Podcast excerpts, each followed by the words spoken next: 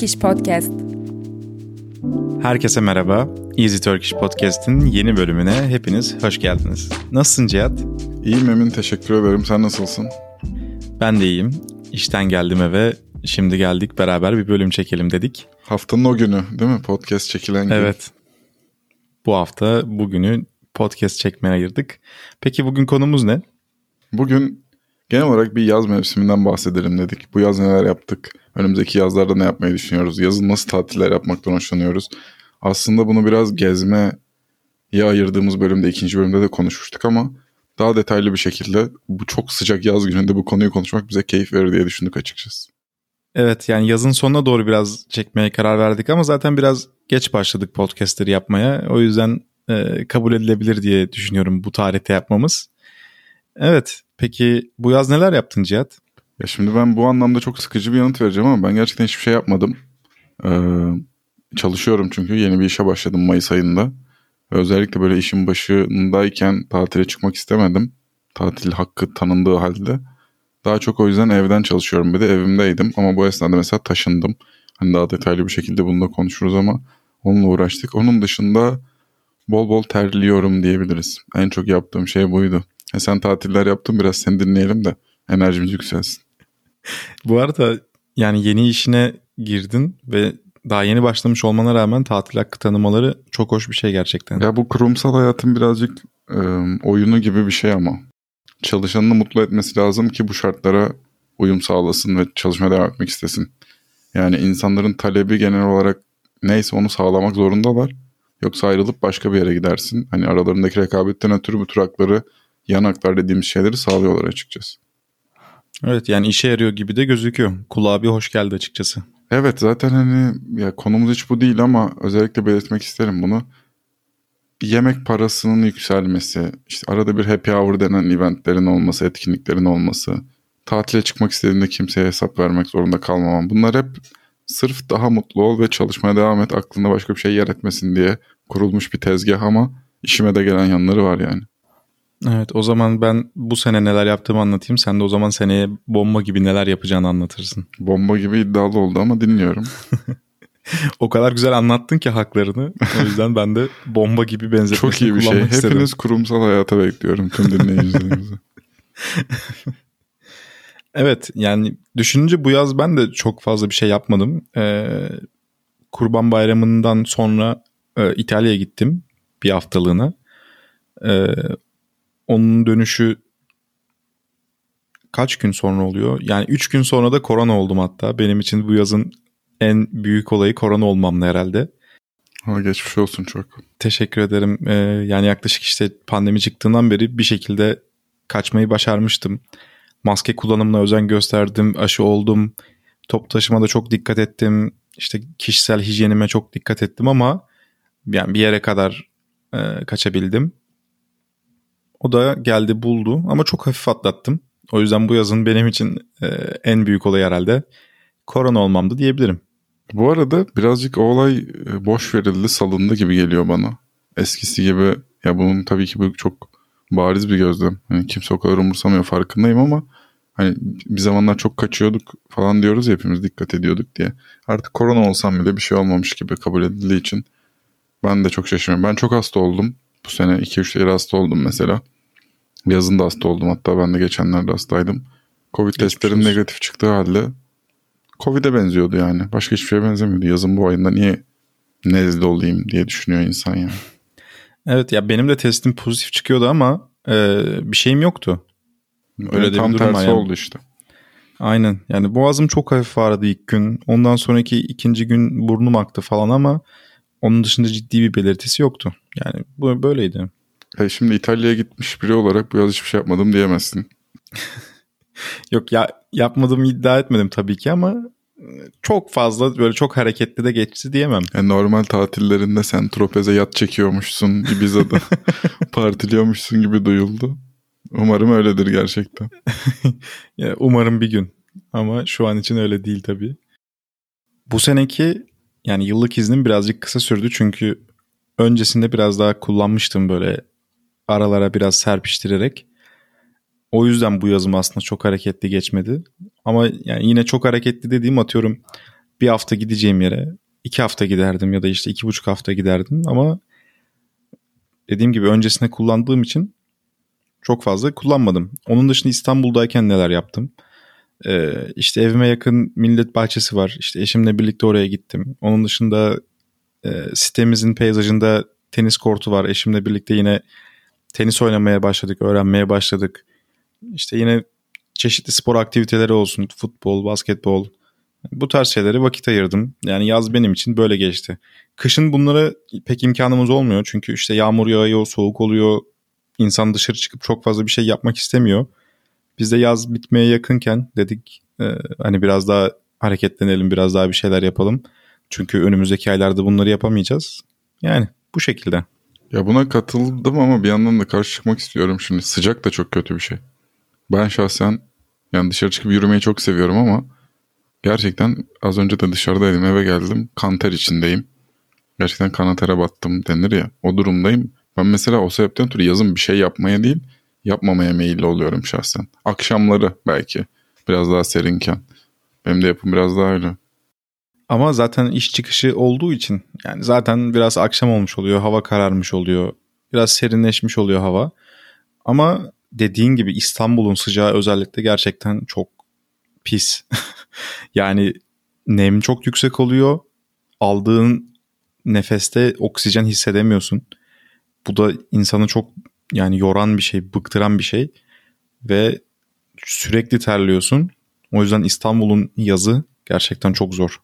Evet ve ben Sarıyer'de oturduğumdan bahsetmiştim. Orası ve şu an işte Bakırköy'e geri taşındık. Burası ikisi de böyle çok yeşil yerler. Ona rağmen çok sıcak ve nemli. Normalde ağaçların işte doğanın bu konuda yardımcı olması gerekiyor. O bile yetmiyor yani. Bu arada ben bu konu konuşmaya başlamışken bir şey merak ettim. Sana sormak istiyorum. Peki yaz tatili senin için ne demek? Yani ne olunca yaz tatili yaptım diyorsun? Sadece yazın yapılan tatil mi yani? Yani ya benim aşırı derecede yaz tatili kültürüm küçüklüğümden beri çok olmadı. Ben sık sık kısa kısa ve senenin içerisine dağıtılmış tatilleri daha çok seviyorum. Böylece yani bir sene beklememiş oluyorum tatil için. Ee, yani böyle buna cevabım bu şekilde. Peki senin için nasıl? Ya benim kafamda yaz tatili biraz daha gerçekten genel geçer algıyla aynı. Ne demek istiyorum? Denize girilen, deniz kenarında olunan ki bu aktiviteye çok bayılmamama rağmen yani tabii ki deniz havuza girmeyi severim. Yani kim sevmez zaten de günün sonunda. Yani ille de yazın işte ayağımızı denize sokalım falan diye bir derdim asla olmaz. Ama gerçekten yaz tatili kavramı bana onu çağrıştırıyor. Hani bu bölümün başlığında yaz tatili yazsak insanlar bizden deniz, kum ve güneş dinlemek ister diye düşündüm. Ondan geri doğru giderek buraya vardım açıkçası. Ya kesinlikle haklısın ama ben küçüklüğümden beri bu şekilde bir tatil kültürüm olmadığı için e, daha çok kültürel bir tatil alışkanlığımız olduğu için e, ben bu cevabı veremiyorum ama o cevabı da çok iyi anlıyorum. Sadece bazen şey gibi geliyor bana. Sanki acaba biraz sıkıcı olabilir gibi mi geliyor? Hani tamam 3 gün 5 gün çok güzel dinlendin ama atıyorum 2 hafta boyunca aynı otelde sürekli denize git, havuza git, dön, yat falan hani. Her şey dahil bir otel mi? Önemli olan burada bu. ya diyelim ki her şey dahil. İşte burada mesela evli ve çocuklusun. Çok iyi bir tatil tipi bence bu. Her şey dahil. Çocuk da takılır. Sen de istediğin yersin, içersin, havuza girersin. Güneşleniyor gibi yaparsın yalandan. Birkaç kitap alıp yarım bırakırsın. Ama onun dışında evet bana da sıkıcı geliyor aynı şekilde. Bir şeyler tecrübe etmek lazım. Ama mesela şu an yeni tutkum, tutkum demem için gerçek, gerçekleştirmem gerekir ama bir teknem olsun çok isterim. Çok kapıta ettiğim, hoşuma giden bir olay. Tekne tatilleri mi diyeyim, seyahatleri mi diyeyim. Böyle bir tekneyle açılıp koylarda denize giren insanlar kendi böyle tatil ortamlarını kendileri yaratıyor ya çok böyle hoşuma gidiyor görüntü. Hı hı. Bu arada o küçük tekneler benim tahmin ettiğim kadar pahalı değillermiş. Şu anda piyasasını bilmiyorum ama e, işte fiyatlar bu kadar uçmamışken işte 300 bin liraya 400 bin liraya güzel bir tekne alınabiliyordu tabii şu an belki iki katına üç katına çıkmıştır ama ya benim kafamda hep şey vardı o bir tekne demek çok inanılmaz pahalı bir şey demekti. Tabii yine şu anda da pahalı ama demek istediğim kafamdaki algıdan daha ucuz tekne almak. Tabii küçük bir şeyden bahsediyorum. Yine büyük bir şey çok pahalıdır. Onun dışında onu kullanmak için gerekli olan ehliyeti, izinleri falan almak da o kadar zor değilmiş. Çok kolay hatta. Aynen üniversitedeyken arkadaşım kullanıyordu ve o kadar böyle basit bir şey olarak anlatıyordu ki Halice çektim bugün falan diyordu mesela. Balıkçı mı? Arkadaşın Japon mu? Altın mı arıyor şeyde? Haliç'te. yok yok ya oraya bırakmış. Oradan mesela şeyden gelmişti işte Ege'den falan gelmişti. Çok havalı değil mi? Evet ne kadar güzel. Şeyde oturuyorlardı. Afyon'da yaşıyorlardı. Ya Afyon'dan beklemiyorsun tabii denize kıyısı olmadığı için ama sonuçta oradan işte İzmir'e falan bir yere gidiyordu. Oradan çıkıyordu İstanbul'a geliyordu. Yani dümdüz karayoluna gelmektense bence de kaliteli bir geliş yöntemi yani. Evet ben nedense çok gıpta ediyorum. Yani adalara gidersin, koylara gidersin, bir şeyler yaparsın. Ya sürekli gemimde yaşayayım. İnsanı olmadım daha. Zaten bir teknem yani. de yok ama kafam o değil. hani yazın bir şey yapmaya kalksam bir teknem olsa işim çok kolaylaşır gibi geliyor. Çok eğlendirebilirim kendim ve sevdik. Bir de teknesi olan arkadaş çok iyi bir konsept değil mi? Bana mı öyle geliyor sadece? Olsun istersin, kendinin de olsun istersin mesela.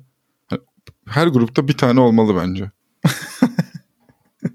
Ya bir de sorunlarıyla problemleriyle arkadaşın uğraşıyor ama e, iş işte sefasını sürmeye gelince beraber sürüyorsun.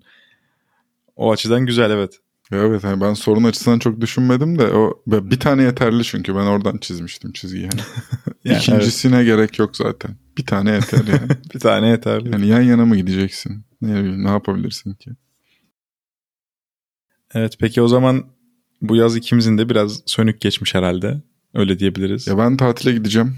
Tatile değil de uzaktan çalışmaya diyeyim çünkü izin almadım. Ama uzaktan çalışıyor olacağım. Mesela Bodrum'a gideceğim. Tam bir yaz klişesi olan o Bodrum tatilini gerçekleştireceğim için mutluyum. Çünkü çok yapabildiğim, çok tecrübe edebildiğim bir şey değildi yazın Bodrum'da olmak. Hiç o, o aile ya da o arkadaş grubu da olmadım. Çok ilgimi de çekmedi açıkçası. Ama şimdi böyle bir plan gelişti. Dedim ki neden bunu 26 yaşımda tecrübe etmeyeyim. Eminim güzel olur. Yaşayalım ve görelim. Biraz da oradan çalışayım bakalım nasıl oluyormuş. Ya bir de Bodrum falan çok zor değil mi ya yazın? Hani sürekli okuyoruz ya işte büyük şehirler boşaldı. Bodrum'da adım atacak yer yok.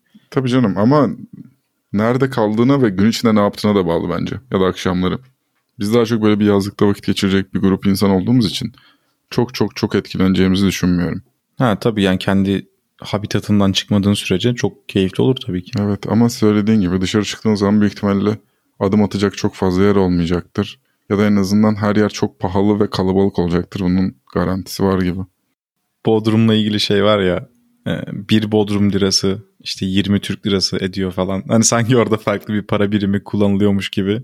Çok haklısın. Meşhur olaylar var ya Kate Moss gidiyor Bodrum'a lahmacun yiyor. 1200 lira istiyorlar. 800 lira. Bir de bu geçmişte yani bayağı geçmişte. 5 sene 3 tane belki vardır. Hani o zaman 800 lirası da 800 lira gerçekten. Aynen. Bir lahmacun yemiş tamam dünyaca ünlü top model kadın olabilir de yani. Hani bir lahmacun ya yazdığın şey.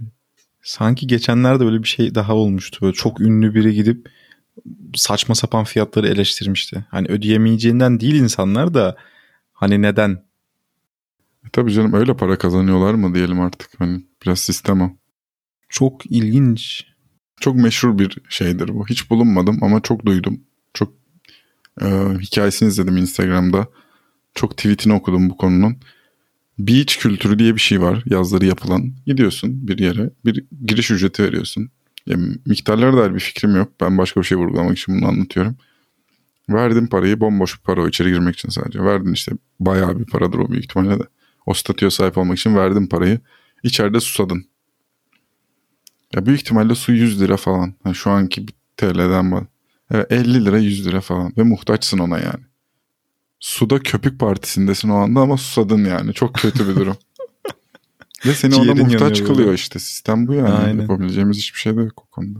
Ya şey de çok saçma o, o sistemlerde. İşte gittin şezlonga para, şemsiyeye para, havluya para.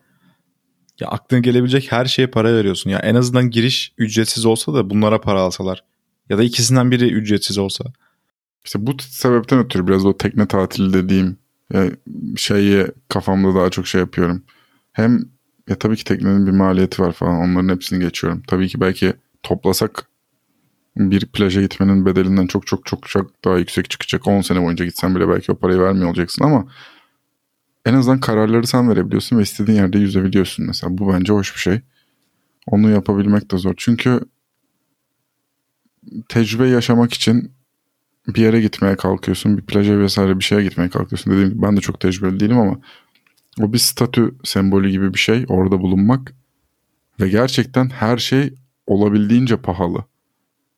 O insanların o fiyatlardan şikayet etmesi o çok zenginlerin falan tesadüf değil yani. Gittiklerinde orada bir şeyler yiyorlar, bir şeyler içiyorlar. Bir şeyler tüketmek istiyorlar ve her şey çok pahalı mesela. Ama orada olmak zorundasın çünkü tatil o demek işte yaz tatili nedir dedik ya biraz.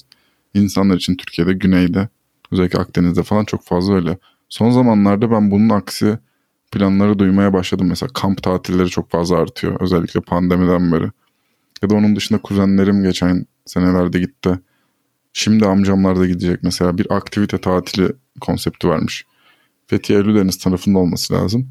İşte belli bir miktar para ödüyorsun bir tur şirketi gibi bir şeye. Senin için böyle ekstrem aktivitelere katılım sağlayacağın bir platform oluşturuyorlar. Hani yamaç paraşütü de yapabiliyorsun, rafting de yapabiliyorsun, e, tüplü dalış da yapabiliyorsun. Ekstra bir şeye para vermiyorsun. Evet. Yani belli bir miktar para ödüyorsun. Kalacak yer, yiyeceklerin ve o aktiviteleri yapabiliyorsun. Mesela o benim şeyden daha çok ilgimi çekiyor açıkçası.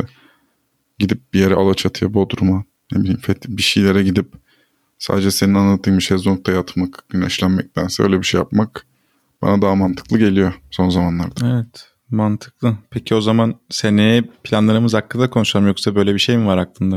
Ya aslında yoktu. Ee, çok yakın bir arkadaşımız var.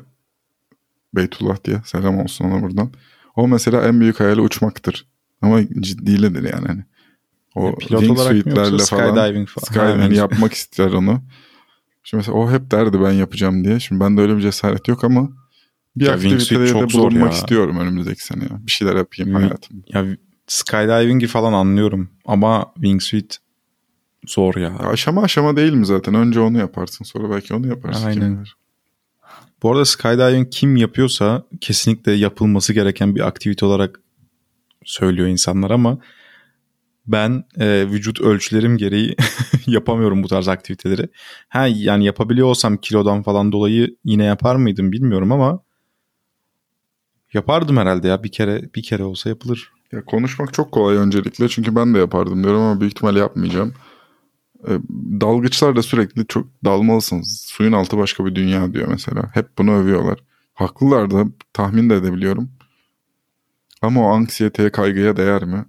Bilmiyorum şu ana dek değmedi. Su altı bilemedim ya benim çok ilgimi çekmedi ama yani skydiving ya da wingsuit falan muhteşem olabilir. Ya ben şey bile yapamıyorum.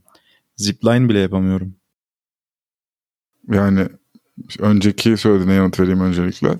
Şimdi suyun altı o kadar ilgimi çekmiyor diyorsun da zaten yaşamayanın bilebileceği bir şey değil o büyük ihtimalle. Çünkü onundaki böyle hormonal bazı durumlar olduğunu da söylüyorlar. Bir üforik anlar yaşayabiliyormuşsun suyun altında böyle gerçekten. Genel olarak övülen ve takdir edilen kısmı odur. Ki belki bir gün bir konuk alırız bize bu tür bir sporu birileri anlatır.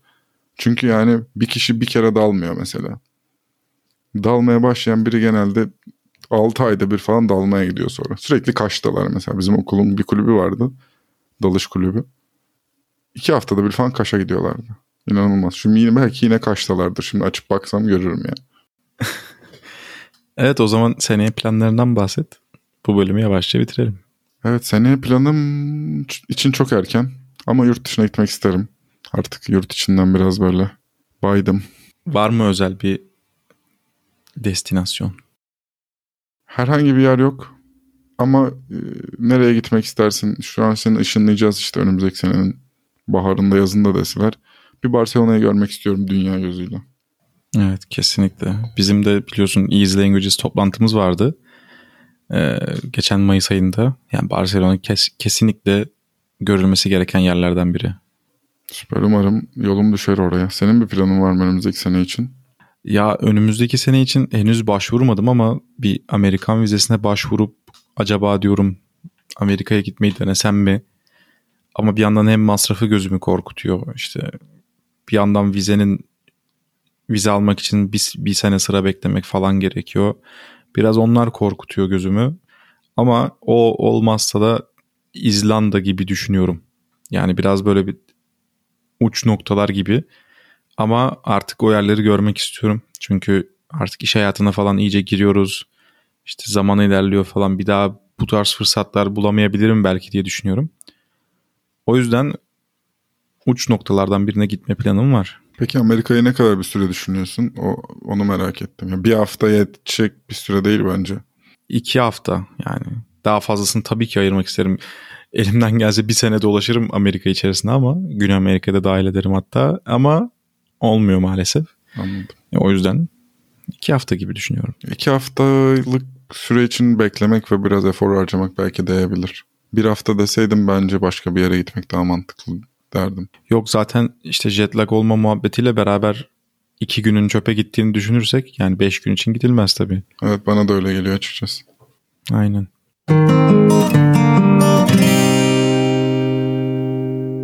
Haftanın deyimi. Evet o zaman haftanın deyimi bölümüne geçelim. Bu haftanın deyimi ne Cihat? Yazı getirmek deyimini seçtik bu hafta sizler için. Ne demek yazı getirmek? Ee, yazı getirmek deyimini seçtik çünkü biraz daha kullanışlı bir deyim olsun istedik. Yani çok güzel anlamlı atasözleri falan var ama günlük hayatta kullanan insan sayısı komple Türkiye'de 1'i 2'yi geçmez herhalde. O yüzden onları seçmedik. Ee, seçtiğimiz deyim yazı getirmek dediğin gibi. Bu yazlık giysiler giymeye başlayan bir insana söylenen bir söz. O yazı getirmişsin denir. Bu nasıl derler? İşte meşalenin ateşini ilk yakan kişiye denir genelde. Hani o kişi artık kışlık elbiselerden yazlık elbiselere geçildiğini temsil eden bir öncüdür. evet söylediğin gibi bu yere düşen ilk cemre tanesi gibi bir şey. Biri böyle short giydiğinde ki özellikle diğer insanlar hala ince ceket, ince pantolon belki gömlek modundayken biri short giyerse bu laf çok sık duyulur yani. O yazı getirmişsin. Böyle üstüne gidilir o insanın. Siz de günlük hayatınızda özellikle yaz bitiyorken hani belki şimdi kullanamazsınız ama önümüzdeki aylarda arkadaşlarınıza karşı kullanabilirsiniz bu lafları. Ya şu şekilde de kullanılıyor. Mesela kışın ortasındasınız. Herkes kıştaki elbiseler giymiş. Birisi tişört giymiş. O kişi o yazı getirmişsin falan da denilebiliyor. Evet siz de etrafınızda böyle soğuk bir havaya rağmen genel olarak ince giyinen, daha yazlık giyinen arkadaşlarınız, sevdikleriniz varsa onlara o yazı getirmişsin yine diyebilirsiniz. Evet yani illa yazı beklemenize ya da baharı beklemenize gerek yok bunu söylemek için. Kışın ortasında tişört giyen bir insana da söyleyebilirsiniz.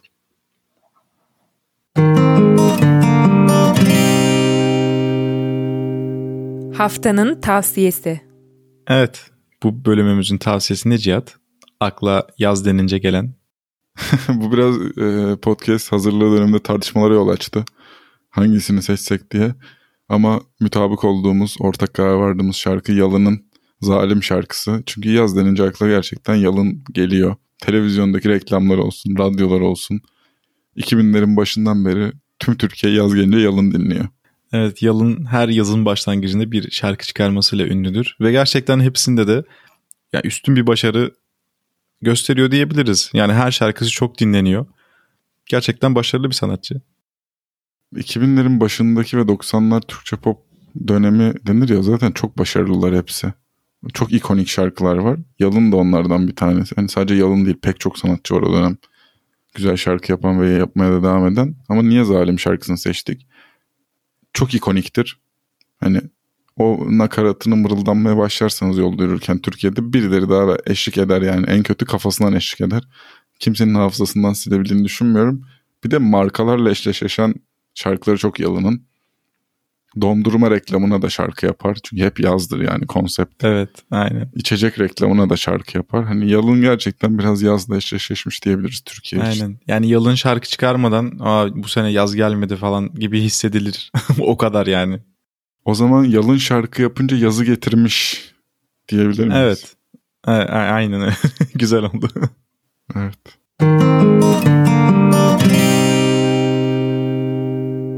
Sizden gelenler. Evet.